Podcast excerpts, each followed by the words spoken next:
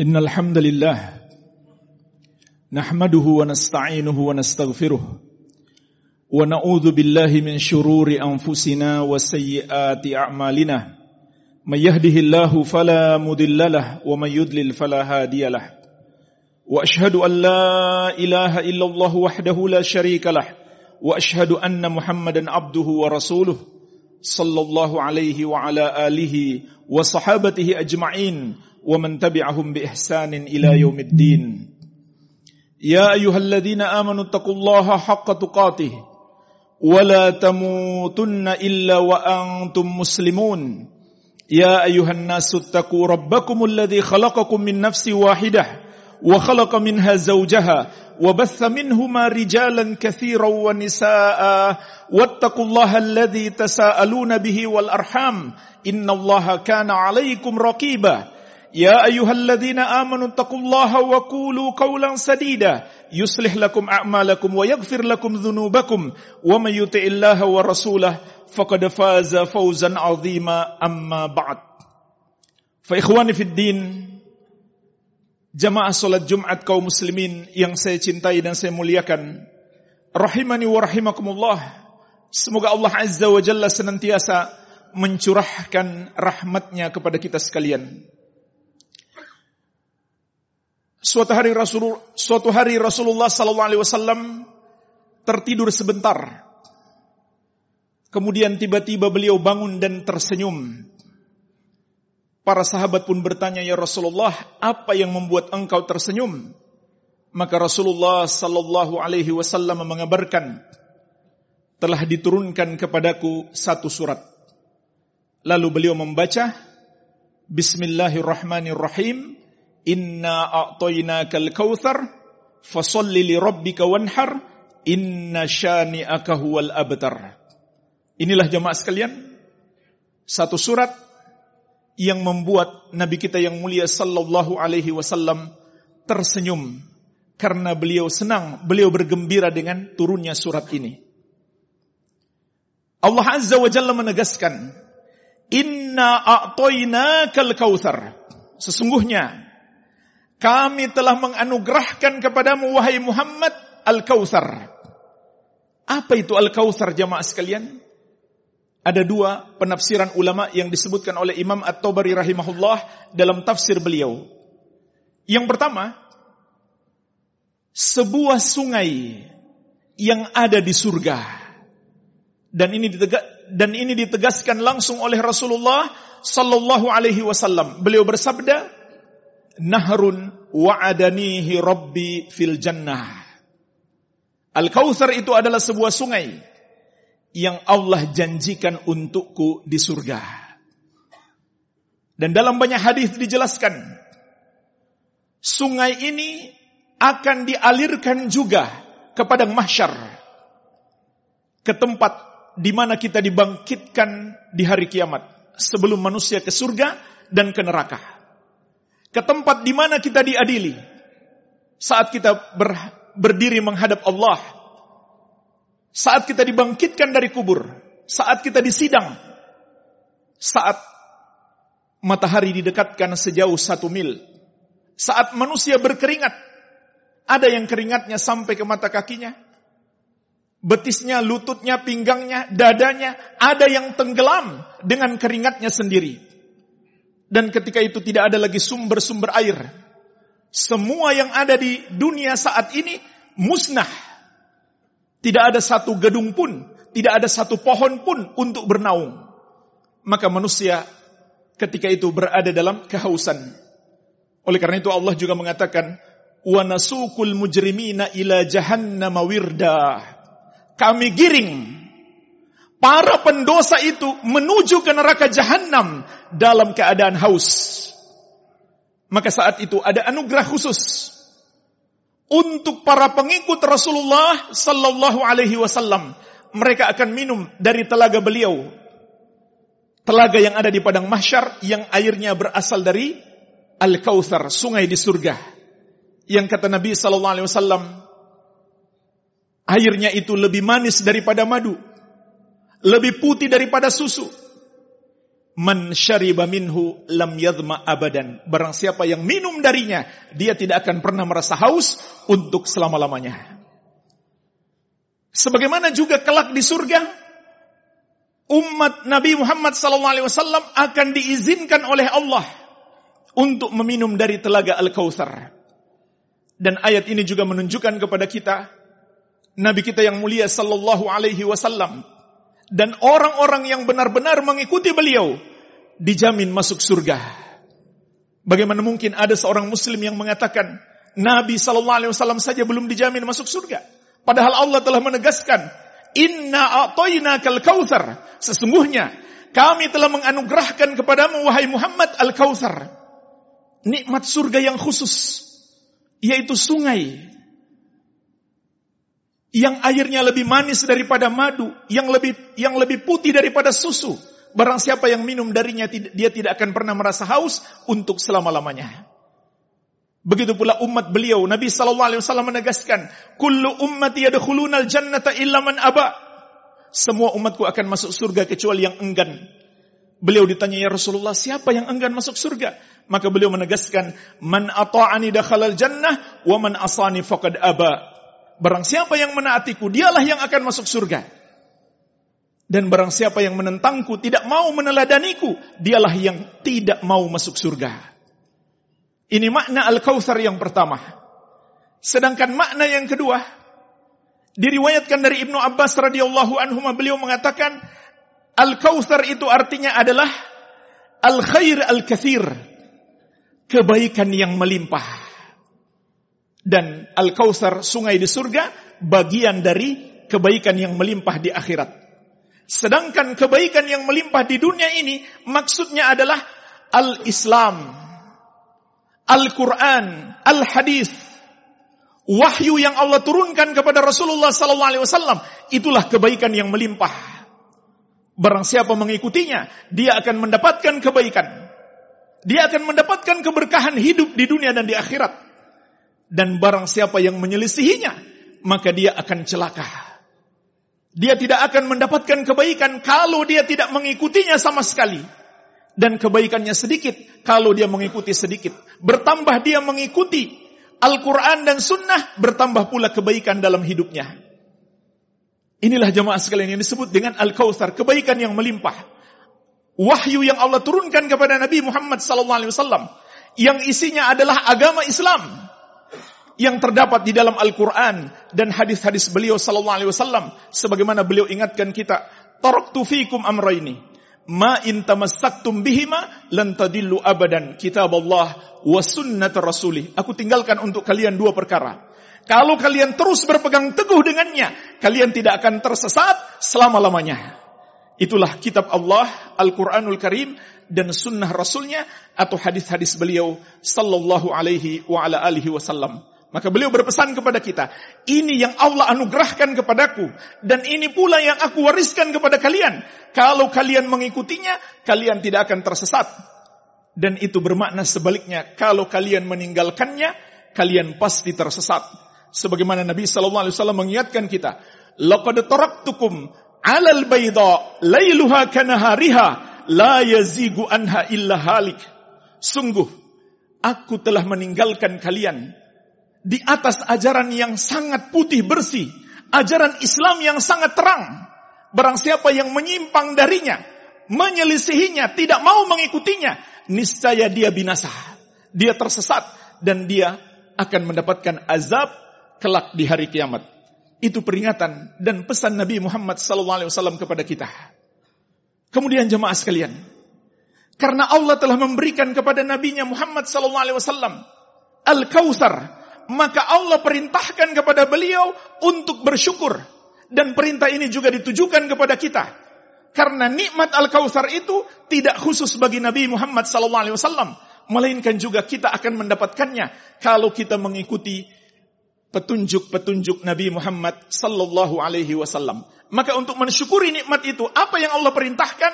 Fasolli li rabbika wanhar. Maka solatlah dan menyembelihlah hanya untuk Rabbmu.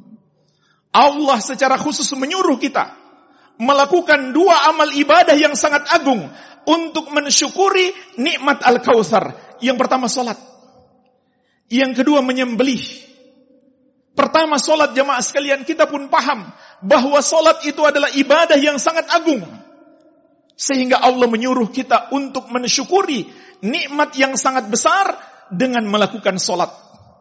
Maka kita pun paham jemaah sekalian, ibadah itu harus dengan kesyukuran. Dan Nabi kita yang mulia sallallahu alaihi wasallam bukan hanya salat wajib, beliau juga melakukan salat-salat sunnah dan beliau melakukan salat tahajud dengan membaca surat-surat yang sangat panjang. Bahkan Nabi sallallahu alaihi wasallam pernah di satu rakaat membaca surat Al-Baqarah. Lanjut lagi surat Ali Imran, lanjut lagi surat An-Nisa. Maka tidak heran jemaah sekalian, kalau sampai kedua kaki Rasulullah SAW pecah-pecah. Karena saking lamanya beliau berdiri untuk melakukan sholat malam. Sehingga Aisyah radhiyallahu anha bertanya, Ya Rasulullah, kenapa engkau melakukan sholat? Sampai sedemikian hebat. Bukankah dosamu yang telah lalu maupun yang akan datang sudah diampuni oleh Allah? Maka apa jawab Rasulullah SAW? Afala akunu abdan syakura? Tidakkah aku menjadi seorang hamba yang bersyukur? Jadi bersyukur itu adalah dengan beribadah kepada Allah, terutama melakukan ibadah solat, baik solat wajib maupun solat sunnah. Dan solat juga merupakan penentu semua amal ibadah kita. Sebagaimana solat yang pertama akan diadili, dihisap kelak di hari kiamat dari semua amalan kita. Rasulullah sallallahu alaihi wasallam menegaskan, "Awwalu ma yuhasabu bihil abdu yaumal qiyamah as-salah. Idza saluhat saluha sairu amalihi wa idza fasadat fasada sairu amalihi." Yang pertama akan diadili dari amalan seorang hamba di hari kiamat kelak adalah solatnya. Apabila baik solatnya, semua amalannya akan ikut menjadi baik. Apabila rusak solatnya, maka semua amalannya akan ikut menjadi rusak. Kenapa jemaah sekalian? Karena kalau sholat seseorang itu baik, niscaya akan terbuka untuknya pintu-pintu hidayah yang lainnya. Sebagaimana firman Allah, Inna sholata tanha anil fahsyai wal munkar. Sesungguhnya solat itu mencegah dari perbuatan keji dan mungkar. Oleh karena itu jika kita melihat ada orang yang rajin solat, tapi ternyata dia masih rajin melakukan perbuatan keji dan mungkar, maka yakinlah solatnya itu tidak beres. Sebab Allah mengatakan dan Allah tidak mungkin salah. Kalau solatnya benar, kalau dia betul-betul solat, pasti mencegah dia dari perbuatan keji dan mungkar. Maka jagalah solat jamaah sekalian. Rasulullah SAW juga mengingatkan kita. La tatruki solatan maktubatan muta'ammidan. Faman tarakaha muta'ammidan. Fakad bari'at minhu zimmah. Fakad bari'at minhu zimmah. Jangan sekali-kali kamu meninggalkan sholat wajib dengan sengaja. Barang siapa meninggalkan sholat wajib dengan sengaja, maka terlepas darinya pertolongan Allah. Artinya Allah tidak lagi akan menolongnya. Allah biarkan dia. Bahkan jemaah sekalian, orang yang masih sholat, tapi dia suka menunda-nunda waktu sholat. Dia lebih mementingkan urusan-urusan dunianya daripada sholat. Dia lebih mementingkan permainannya, pergaulannya, pekerjaannya daripada sholat. Sehingga dia masih sholat tapi dia menunda-nunda waktu sholat. Maka Rasulullah SAW mengingatkan, La yazalu qawmun yata'akharuna anis salah fayuakhirahumullah.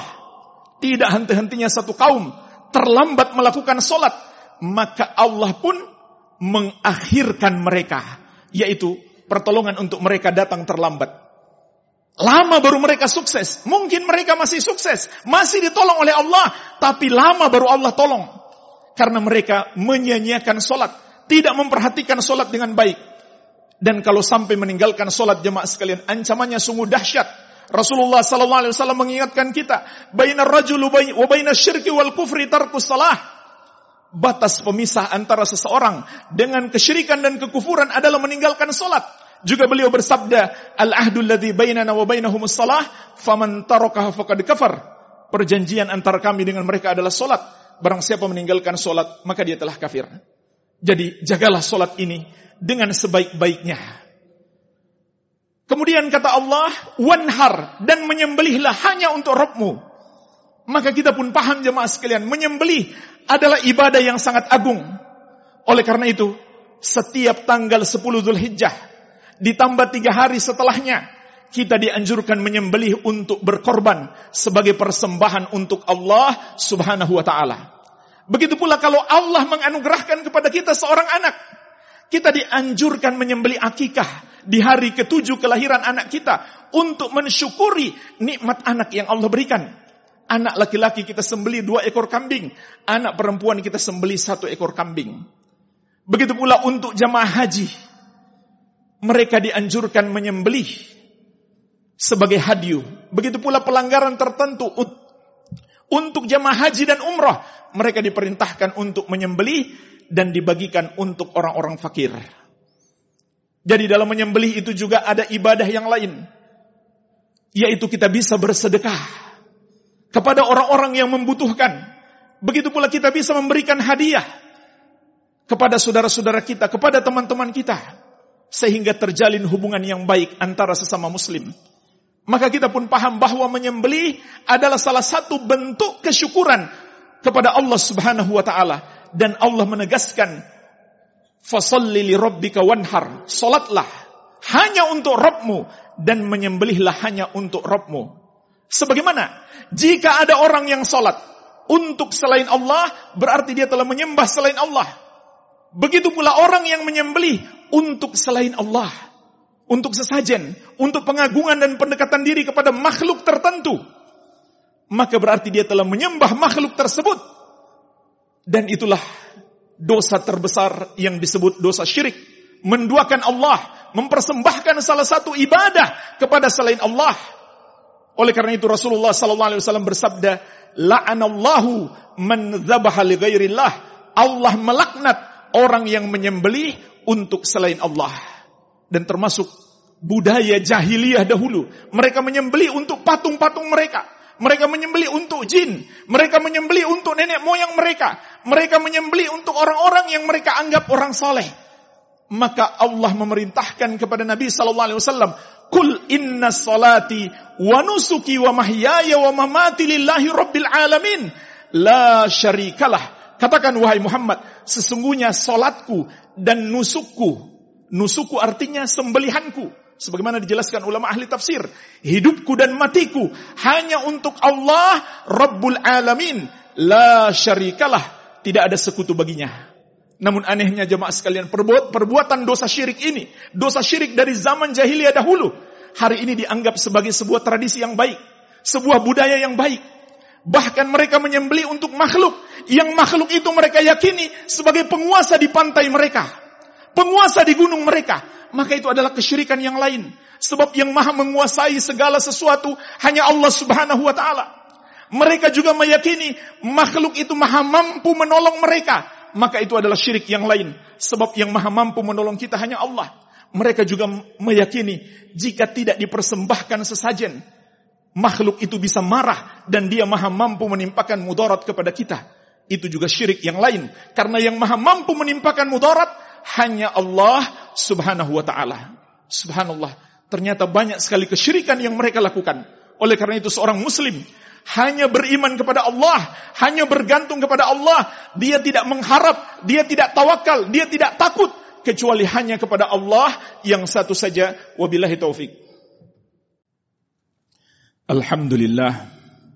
Wassalatu wassalamu ala Rasulillah wa ala alihi wa sahbihi wa man walah. Wala hawla wala quwwata illa billahi amma ba'd. Di ayat yang terakhir Allah Azza wa Jalla menegaskan, Inna syani'aka huwal abtar. Sesungguhnya, orang yang membencimu wahai Muhammad adalah orang yang terputus. Imam Ibnu Katsir rahimahullah dalam tafsir beliau mengatakan, Ayamu begitu, mu begitu kaya Muhammad, wa mu begitu majita bihi. Maksud ayat ini, orang yang membencimu wahai Muhammad dan membenci ajaranmu. Sama saja hukumnya.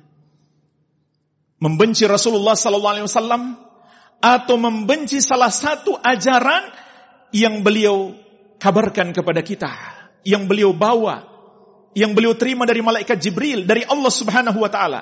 Di mana itu terdapat? Di dalam Al-Qur'an dan hadis-hadis beliau. Barang siapa yang membencinya, maka kata Allah, dialah al-abtar. Orang yang terputus. Kata Imam Al-Bagawi rahimahullah dalam tafsir beliau, maksudnya adalah al-munqati min kulli khair.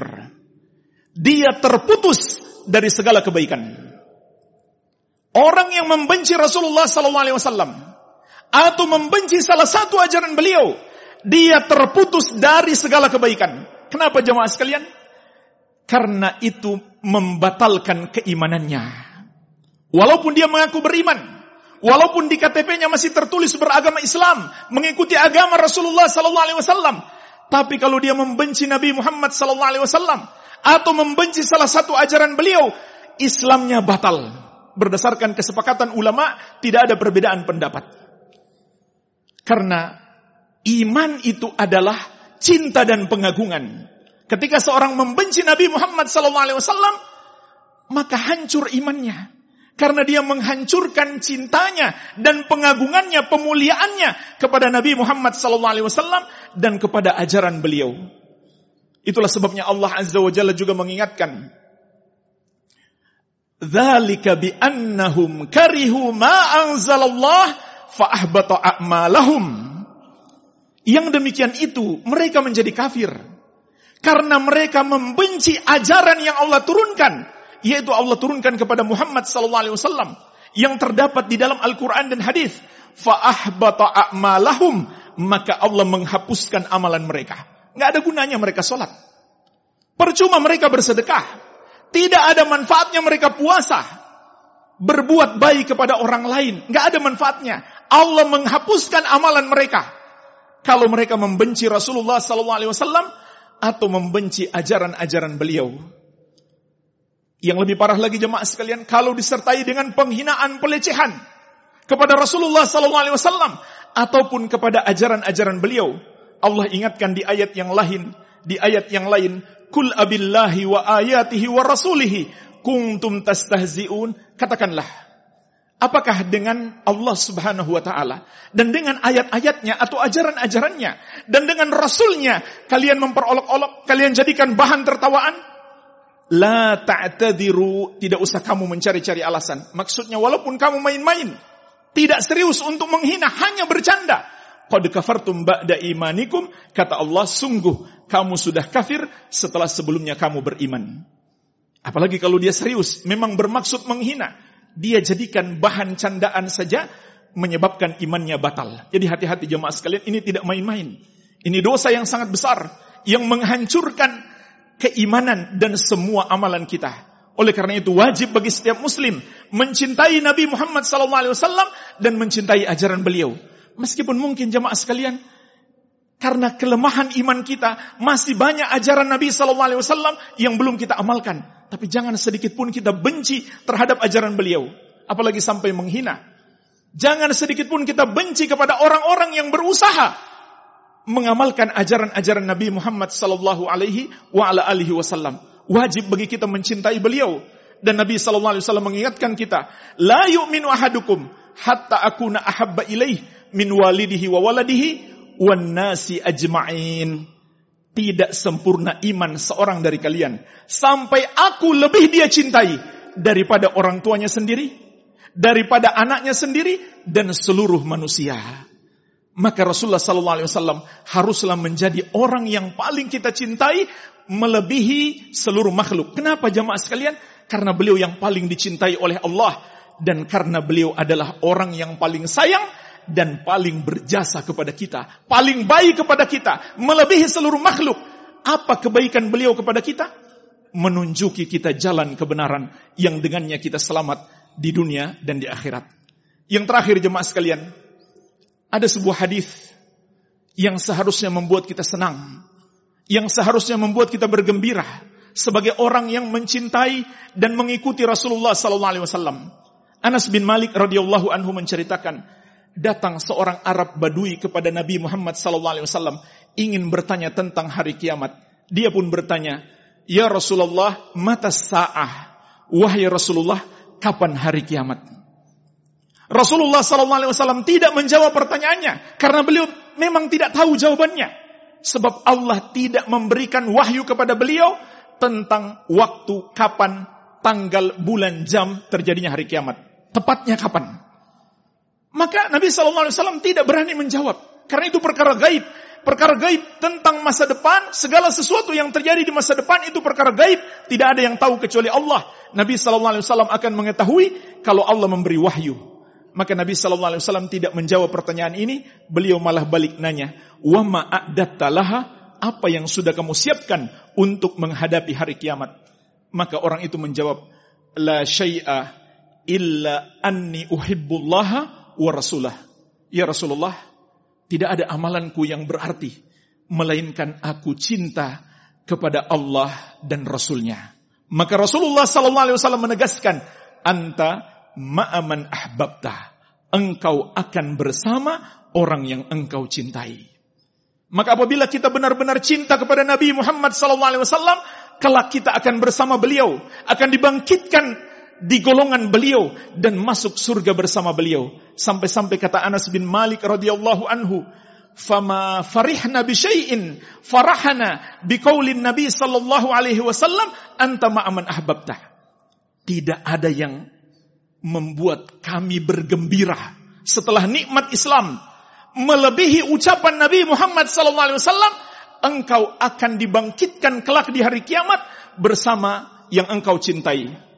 Fa'ana uhibbun Nabiya sallallahu alaihi wasallam wa Abu Bakrin wa Umar. Fa'arju an akuna ma'ahum bihubbi iyahum wa in lam a'mal bimithli a'malihim. Maka aku mencintai Nabi Muhammad sallallahu alaihi wasallam. Aku juga mencintai Abu Bakar dan Umar.